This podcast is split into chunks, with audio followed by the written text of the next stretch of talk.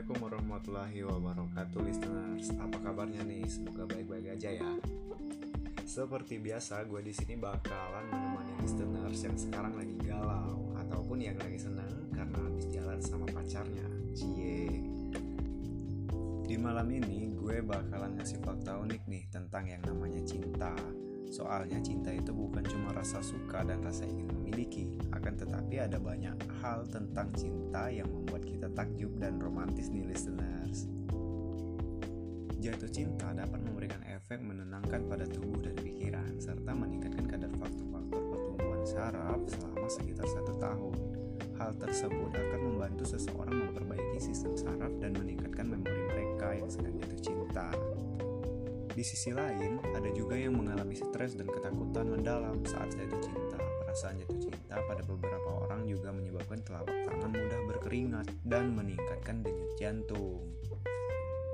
Sebuah penelitian yang ditulis dalam Why We Love: The Nature and Chemistry of Romantic Love menunjukkan bahwa seorang pria yang bertemu wanita tak dikenal dalam kondisi membahayakan atau mau berjalan di jembatan yang rapuh cenderung untuk saling jatuh cinta lebih cepat dibandingkan mereka yang bertemu di tempat yang aman dan biasa. Menurut teori matematika, seseorang harus menjalin hubungan cinta dengan 12 orang sebelum akhirnya menemukan orang yang tepat untuk seumur hidupnya. Sering merasa terobsesi dan posesif berlebih saat awal masa jatuh cinta. Hal itu wajar Orang yang masih di awal masa jatuh cinta mengalami penurunan hormon tertentu yang membuat dirinya gangguan obsesif kompulsif. Karena itulah seseorang cenderung terobsesi dengan orang yang dicintai sekaligus posesif sebagai tanda bahwa dia adalah miliknya. Hmm, berikut gue punya tips untuk pacaran yang romantis. Yang pertama ada realistis, jangan coba untuk mengubah pasangan kamu menjadi orang lain Cintailah dia apa adanya dan pelajari nilai lebih dari dia yang enggak kelihatan secara visual. Yang kedua, selalu bicarakan segala hal. Jangan membuat asumsi tentang perasaan pasangan Anda. Belajarlah untuk mengekspresikan diri kamu biar dia tahu dan mengerti kalau kamu lagi marah, kecewa, kesal, bete, ataupun senang. Yang ketiga, lakukan aktivitas bersama. Buatlah suatu jadwal biar kamu mengerjakan sesuatu bersamaan. Yang keempat, saling pengertian. Dalam sebuah hubungan ada yang namanya saling memberi dan menerima. Maka pelajarilah biar kamu menjadi bagian dari dirinya.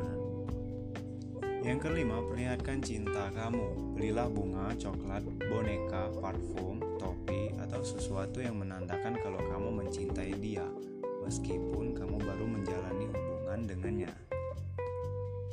Lalu yang terakhir, keenam, saling menghormati. Berhentilah membuat gurauan tentang potongan rambutnya atau apa pun yang membuat kamu menertawakan pasangan kamu. Ya, nggak kerasa nih listener, sudah beberapa menit gue nemenin kalian semua. Udah saatnya kita pisah, tapi jangan takut, karena besok gue bakalan nemenin kalian lagi di jam yang sama sampai di sini dulu kebersamaan kita. Maaf kalau ada salah-salah kata dan beberapa request yang gak sempat diputerin. Apaan aja? Terima kasih untuk kebersamaannya. Saatnya gue pamit. Selamat malam. Have a nice dream. Stay tune terus di uh, apa ya nama podcastnya. Dan selamat malam.